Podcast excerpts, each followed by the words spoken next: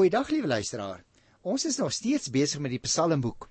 En vandag gaan ons nog twee baie interessant psalms doen. Ek gaan ook 'n derde psalm doen. Maar hier staan in Psalm 29 en 30 twee agter mekaar wat eintlik verskillende soorte liedere is. Want jy sien die 29ste psalm is wat ons gewoonlik noem 'n loflied, terwyl ons op Psalm 30 eintlik 'n dankpsalm het. So ek gaan begin by die 29ste Psalm wat dan 'n baie bekende loflied is. Nou wat is 'n lofpsalm? Laat ek nou miskien net gou dit weer vir jou sê in 'n paar sinne. Want jy sien in die lofpsalms word daar gesing oor die Here se troue liefde, sy goedheid en natuurlik sy groot werke. Mense word ook opgeroep om saam die Here te loof en dan word daar ook gereeld gesê waarom die Here geloof moet word. Aan hom die enigste God, die Skepper, kom lof en eer toe. Nou hiervan is Psalm 29 'n baie uitstekende voorbeeld. Ek gaan dit nou nou vir jou uitwys. Soms word daar ook in hierdie lofpsalms na gebeure in die geskiedenis verwys of ook na die Here se koningskap. Die bekende woord haleluja wat dikwels in die lofpsalms voorkom beteken natuurlik prys die Here. En dit is eintlik baie eie aan die lofpsalms. Jy kan ook Psalm 117 lees in die verband, maar ek gaan hom nou nie vandag behandel nie omdat Psalm 29 'n baie goeie voorbeeld van so 'n loflied van die Here is. Ek gaan uh, dit versie vir versie behandel en dan gaan ek dit so 'n bietjie op 'n ander manier vir jou opsom want dit lyk vir my 'n mens kan 'n baie pragtige verhaal maak rondom hierdie Psalm as jy ook die prentjie daar agter in gedagte hou. Dit is ook interessant om te weet dat Psalm 29 mens baie sterk herinner aan 'n heidense kanonitiese onweerspsalm. Maar nou is hierdie psalm in die Bybel opgeneem en die eer word nou nie aan die afgode gebring nie, maar die eer word aan die Here ge gebring. Die Here is die een wat byvoorbeeld reën gee, wat vir sy natuur en vir sy skepping sorg en nie die afgod Baal nie. Nou goed, kom ons begin dadelik met Psalm 29 en ek gaan eers net die eerste 2 versies lees. Prys die Here, julle hemelinge, prys die Here om sy eer en mag. Prys die Here om die eer van sy naam. Buig voor die Here by sy heilige verskyning. Die hemelinge Nou ja, dit is die engele wat in God se hemelse paleis in sy diens staan en hulle word nou opgeroep om die Here te prys. Die tweede versie sê die lied is tot die eer van die naam van die Here, die verbondsgod, want dit is hy wat aanbid word in hierdie lofpsalm en nie die afgod Baal en sy vroulike teenpool Astarte nie. Kom ons lees vers 3 tot by vers 9. Nou moet jy baie mooi oplet, liewe luisteraar, die woordjie stem, die stem van die Here kom 'n hele klomp keer voor. Ek gaan net net daarby terugkom, maar kom ek lees net eers vers 3 tot 9. Die stem van die Here weer klink oor die waters. Dit is die magtige God wat die weer laat dreun. Die Here self is op die groot waters.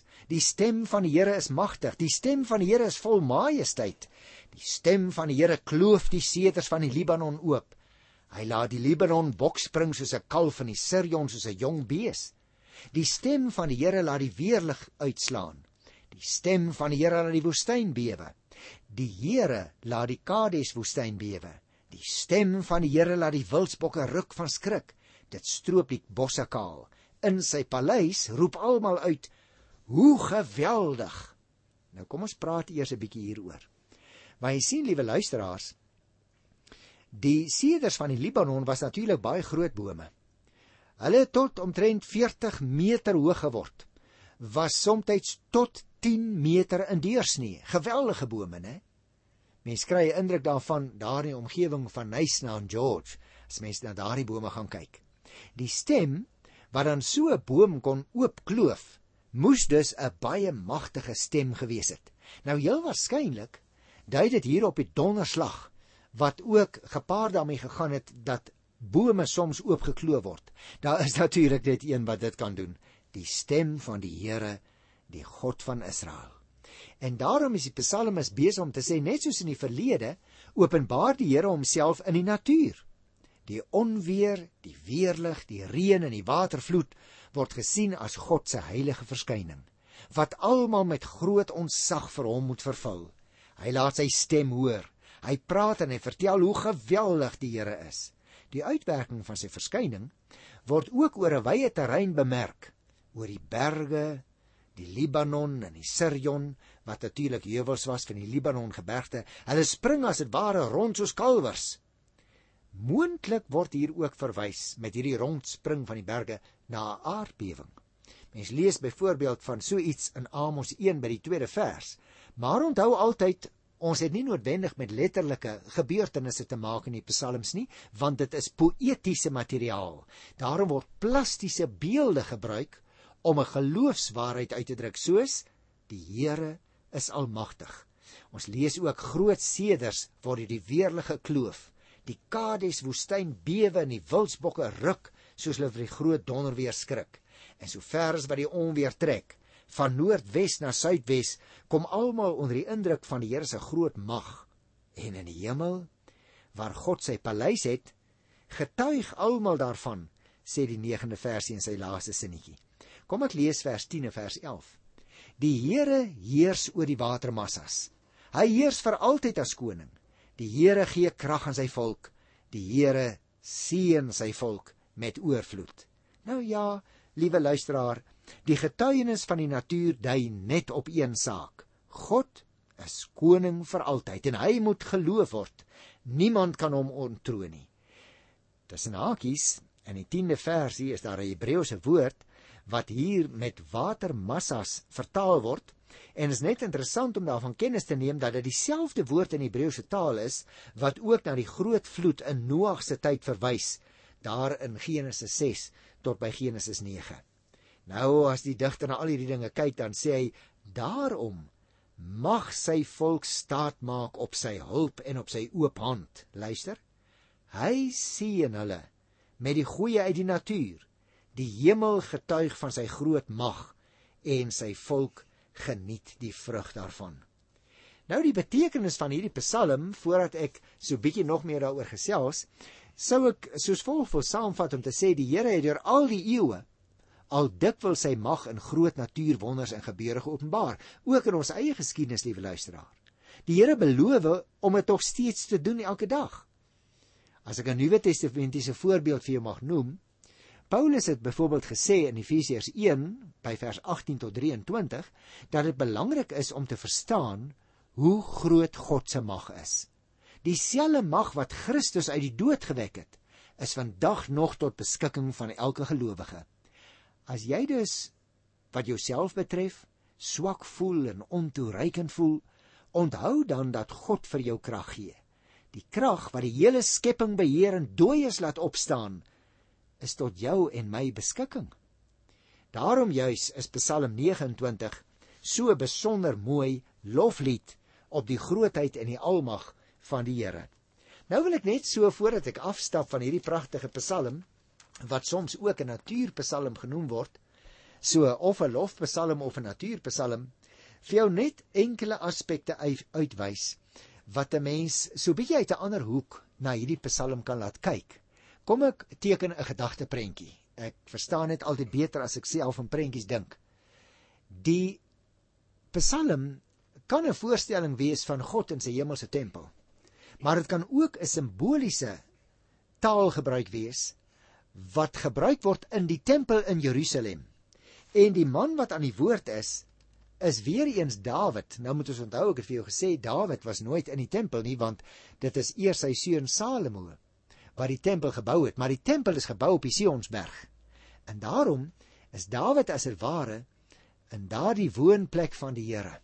En nou kyk hy rondom hom. Dis baie interessant want as jy so daarna kyk en jy gaan kyk na die landkaart, na die plekke wat in die Psalm genoem word, dan sien jy die persoon wat aan die woord is, kyk as dit ware in die vier rigtings.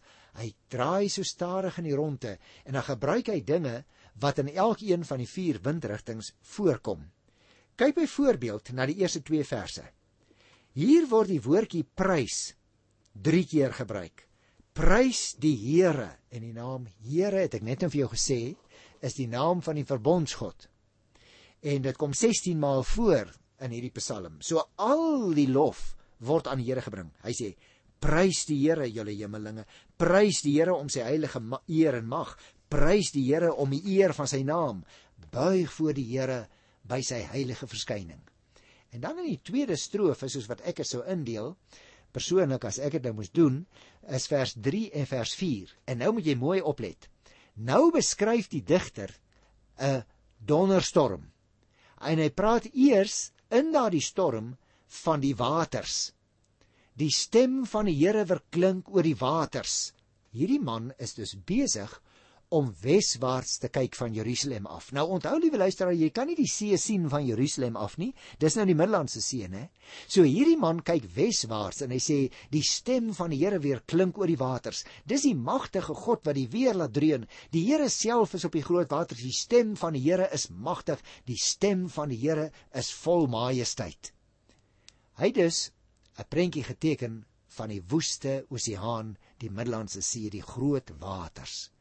Nou in die volgende strofe, die derde strofe vers 5 en 6, kry hy die berge in die oog. En hy gaan van die Libanon praat. Met ander woorde, nou kyk hy nie meer weswaarts nie, maar nou kyk hy na die noorde. Want noord van Jerusalem is eintlik noordwes, lê die Libanon gebergte. Luister wat sê hy. Die stem van die Here kloof die seders van die Libanon oop. Hy laat die Libanon bokspring soos 'n kalf in die Sirion soos 'n jong bees. Dan kom hy by die 4de strofe en nou praat hy van die woestyn. Nou as 'n mens die woestyne gedagte hou, dan beteken dit hy kyk nou suidwaarts. En hy praat dan ook van vers 9 af van die diere en die plante. Nou ja, daar's nie baie diere en plante in uh, die woestyn nie, nê? So dit herinner ons dus daaraan dat hy ooswaarts kyk want jy gaan sien, hy praat van die bosse wat kaal word Heel waarskynlik gaan dit oor die steppeland na die ooste kant. Kom ek lees dit vir jou. Onthou nou eers die woestyn. Hy kyk suidwaarts. Die stem van die Here laat weerlig uitslaan. Die stem van die Here laat die woestyn bewe. Die Here laat die Kades woestyn wat aan die suide kant toe is, bewe. En dan kyk hy ooswaarts. Dan praat hy van die diere en die plante. Die stem van die Here laat die wildsbokke ruk van skrik. Dit stroop die bosse kaal. In sy paleis loop almal uit Hoe geweldig.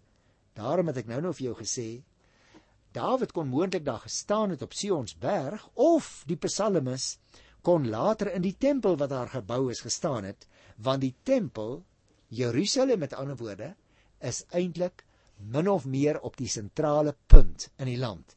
Daarom kan die digter daar staan en die vier rigtings kyk, hoewel hy nou so ver kan sien nie, roep hy dit voor sy geestesoog die landskap en dan sê hy hoe dat die storm ook daar geld. En dan as 'n mens by die 10de versie kom, die 5de strofe, uh, dan uh, is vers 10 en 11 is daar 'n hele ander atmosfeer. Nou is die storm verby. Daar's kalmte. Luister ek lees dit. Die Here heers oor die watermassas. Hy heers vir altyd as koning. Die Here gee krag aan sy volk. Die Here seën sy volk met oorvloed. Is dit nie 'n wonderlike, pragtige psalm nie? Nou dit was 'n baie goeie voorbeeld van 'n lofpsalm terselfdertyd ook van 'n natuurpsalm. As ons nou by Psalm 30 kom, dan het ons ook 'n baie goeie voorbeeld van 'n dankpsalm. Nou ons het al een of twee van die dankpsalms behandel, maar ek wil nou eers vir jou so 'n bietjie vertel van die dankpsalms voordat ons 'n uh, Psalm 30 met mekaar bespreek. Jy sien liewe luisteraar, die dankpsalms herinner baie sterk aan die lofpsalms. En daarom is dit so interessant dat 29 'n lofpsalm is en Psalm 30 is 'n dankpsalm. Ek wil amper vir jou sê verskoon my as ek vir jou 'n bietjie die agtergrond altyd vertel en hoe die goed ontstaan het en wat daarin vertel word, maar dan verstaan 'n mens mos net die psalms so 'n bietjie beter. Nou kom ek sê jou nog iets van die eh, dankpsalms want ek gaan nou dankpsalm behandel. In die dankpsalms beskryf die digter dikwels eers die noodsituasie waarin hy as individu of die volk Israel was en dan word daar gewoonlik vertel is nie altyd presies so nie maar nadat die noodsituasie geskets is word daar dan vertel hoe dat God dikwels eers nadat tot hom geroep is gehelp en uitkomste gegee het. Soms word ook in die psalmsoort sondebelydenis gedoen Die Psalm sluit dan gewoonlik met dank en ook met lof aan die Here. Daarom is Psalm 30 so baie goeie voorbeeld want dit begin met Ek wil u lof verkondig, Here, want u het my gered. En eers daarna vertel hy hoe ernstig siek hy was en hoe dat hy tot die Here geroep het en hoe die Here hom toe gehelp het. En dan eindig dit uiteindelik ook met daardie woorde om dank aan die Here te bring. So kom ons gesels nou oor Psalm 30. Die opskrif daarvan is: Vir altyd sal ek U loof. Nou, liewe luisteraar, nadat ons nou geluister het in Psalm 29 na 'n lofpsalm waar die mag van die Here in die natuur beskryf is, word hier in Psalm 30 'n nietige mens geteken. 'n Mens omdat die Here in sy lewe ingegryp en hom verlos het. En daarom word dit juis 'n dankpsalm genoem. Weereens in die vorige, die lofpsalm 29, is hemelinge opgeroep om God se groot mag te besing. Hier in Psalm 30, die dankpsalm, gee mens sy voorneme te kenne om dieselfde te doen. Nie vanweë God se magsopenbaring in die wye natuur nie, maar omdat God in die lewe van 'n nietige mens ingegryp het en hom verlos het. Hy moes om hulp roep, dit is waar, in vers 3. En nou, ha, nou kan hy weer sing tot eer van die Here uiteindelik in die 13de vers. Kom ons lees die eerste 6 versies van hierdie pragtige dankpsalm 30. Daar staan bo aan 'n psalm, 'n lied vir die inwyding van die tempel van Dawid. Moontlik het ou Dawid hierdie psalm dus geskrywe nog voordat hy gesterf het, want is eers na sy dood. Hy het al die materiaal vir die tempel bymekaar gemaak, né?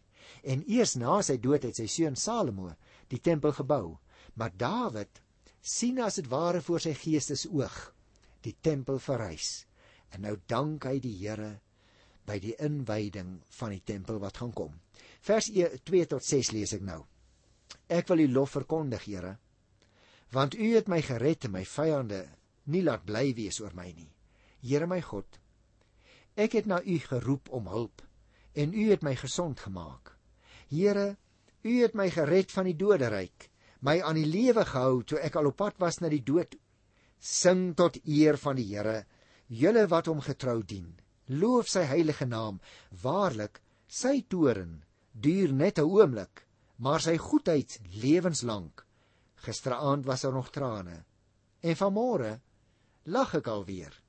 Jy sien in hierdie eerste 6 verse kry ons die getuienis van groot dankbaarheid omdat die Here die bidder verlos het. Skielik was hy in ellende gedompel, maar hy het hom hulp geroep en net so gou as wat hy in die ellende gedompel was, net so gou was hy daaruit volgens vers 6. Sy leed waaroor sy vyande bly was volgens vers 2 se laaste sinnetjie beskou hy as iets wat die Here oor hom gebring het. Hy was siek het ons gelees in daardie verse. En hy was op pad na die doodryk toe. Die doodryk word dus hier uitgebeeld op 'n plastiese manier as 'n diep put. Soos die emmer waarmee mens water uit die put uit optrek, het hy al hoe dieper daarin afgesak volgens die 10de vers. En daar het sy lewe aan 'n draadjie gehang, maar die Here het hom daaruit opgetrek. En nou geniet hy weer die goedheid van die Here kan hy sing tot eer van die Here. sien liewe luisteraar, volgens vers 6, in die aand was dit nog donker. In die môre is dit lig, lig dag wat die Here gegee het. Met ander woorde in die eerste 6 verse van hierdie Psalm getuig die bidder van die groot dankbaarheid wat hy in sy hart dra omdat die Here hom verlos het. Daarom is dit 'n danklied, noem ons dit. Hy was siek en op pad na die doodryk. Die doodryk word dus hier as 'n put voorgestel soos ek nou vir jou verduidelik het op 'n simboliese manier 'n voorstelling van dit wat die bidder beleef het. En dan vers 7 tot vers 12 is die laaste deel van die Psalm voor vers 13. Hy sê toe dit goed gegaan het, het ek wel gesê, niks sal ooit my laat wankel nie. Deur u goedheid het u my op 'n veilige plek laat staan, Here. Maar toe u u aan my onttrek het, het ek baie bang geword. Ek het na u geroep, Here, ek het om genade gesmeek. Watter voordeel is daar in my ondergang as ek die graf sou moes ingaan? Kan stof u loof? Kan dit u trou verkondig? Luister, Here, en wees my genadig. Help my, Here. Ek was in die rou, maar u het my in vreugde laat dans. Ek het my rou klere uitgetrek en vir my feesklere aangetrek. Pragtige vers, hierdie vers 11 en 12, né? Die digter kyk dus terug op sy lewe. Hy het voorheen self versekerd geword om sy eie vermoë staat gemaak. Hy erken nou dat hy alles aan die Here se hulp te danke het. Hy besef hy's op pad na die graf toe waar hy die Here nie kan dien nie. Hy het egter die Here gevra om hom te red. Die Here het hom gehoor en die verskil is soos tussen dag en nag. En daarom vers 13. Daarom sal ek sing tot u eer. Ek sal nie stil bly nie. Here my God, vir altyd sal ek u loof. Hy sê daarom sal hy vir altyd 'n loflied tot eer van die Here sing. Baie interessant. Die 29ste Psalm 'n loflied. Die 30ste Psalm 'n danklied. Maar nou kom ons by Psalm 31 en daaroor wil ek heel vinnig gaan want ons het nie meer so baie tyd nie. So kom ons kyk na Psalm 31.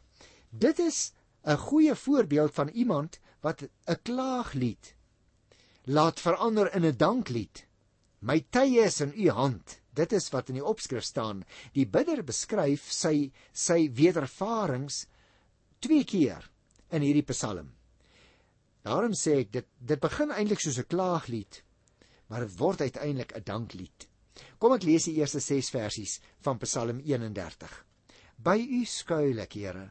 Laat my tog nooit teleurgestel staan nie. Bevry my want U is getrou. Luister na my, red my tog gou. Wees my rots om na toe te vlug, 'n bergvesting om my te red.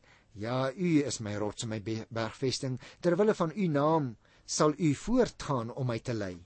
Bevry my uit die vangnet wat hulle vir my gestel het, want want U is my toevlug. In U hande gee ek my lewe oor, want Here, troue God, U het my vrygemaak. Jy sien dus, liewe luisteraar, in hierdie eerste 6 verse kry ons 'n beskrywing van die haglike toestand waarin hierdie man verkeer. Die verraderlike vyande wat sy lewe bedreig. En 'n mens, as jy dit lees, dan kom die vraag by jou op: Hoekom praat die digter hier in uh, die eerste 6 verse uh so negatief? Nee, dis nie negatief nie, luisteraar. Luister na vers 7 tot 9. Ek haat mense wat waarde heg aan nutswerd afgode. My vertroue stel ek in die Here. Ek wil jubel en juig oor u troue liefde. U was nie onverskillig teenoor my ellende nie. U het die bedreiging van my lewe raak gesien en my nie aan die mag van die vyand oorgegee nie. U het my 'n veilige staanplek gegee. Nou is die vraag tereg hier van vers 7 af. Hoekom praat hy hier skielik oor afgoderry? Hy wou die kontras, lyk dit vir my luisteraar, tussen sy toewyding aan God en die oppervlakkige aanbidding van sommige van die Israeliete wat begin het om die afgode dien te dien. Dit wou hy beklemtoon. Daarom sy vertroue was nie te vergeefs nie. God staan nie, sê hy van vers 7 af, onverskillig as 'n mens in opregtheid op hom vertrou nie. Maar nou liewe luisteraar, hierdie Psalm eindig heeltemal anders as wat hy begin het. Luister byvoorbeeld as 'n mens nou hier lees van die 22ste vers af. Hier sê hy aan die Here kom die lof toe want hy het sy trou op wonderbaarlike wyse aan my betoon toe ek beleer was. Ek het in my angs gedink, dis klaar met my. Selfs u het my verwerp, tog? U het geluister na my gesmeek toe ek na u geroep het om hulp. Jy sien hierdie man is dus glad nie radeloos soos wat 'n mens miskien mag dink nie. Nee, alles behalwe, want hierdie ou stel mos sy vertroue op die Here. En daarom, liewe luisteraar, eindig Psalm 31 heeltemal op 'n ander manier as wat hy begin het. As 'n mens kyk na vers 10 tot by vers 25, dan kom dit baie duidelik na vore. Hy roep ook ander mense op. sien jy, hy het met sy eie situasie begin Hy het die Here dankie gesê vir sy verlossing daaruit en nou in die laaste 2 verse roep hy ander mense op luister daarna. Betuig julle liefde vir hom. Julle almal wat die guns van die Here geniet. Die Here beskerm die wat aan hom getrou is, maar die wat teen hom opstandig is, straf hy swaar. Wees dus sterk en hou goeie moed. Julle almal wat julle vertroue in die Here stel. En daar met daardie oproep wil ek ook graag vir jou wat dalk in 'n situasie is van swaar kry en nood. Onthou hoe die Here by jou is. Ek wil jou oproep en sê: Wees sterk en hou goeie moed. Jy en julle almal wat julle vertroue in die Here stel. Hy red sekerlik uit. Ek groet jou in sy wonderlike naam tot volgende keer. Tot dan. Totsiens.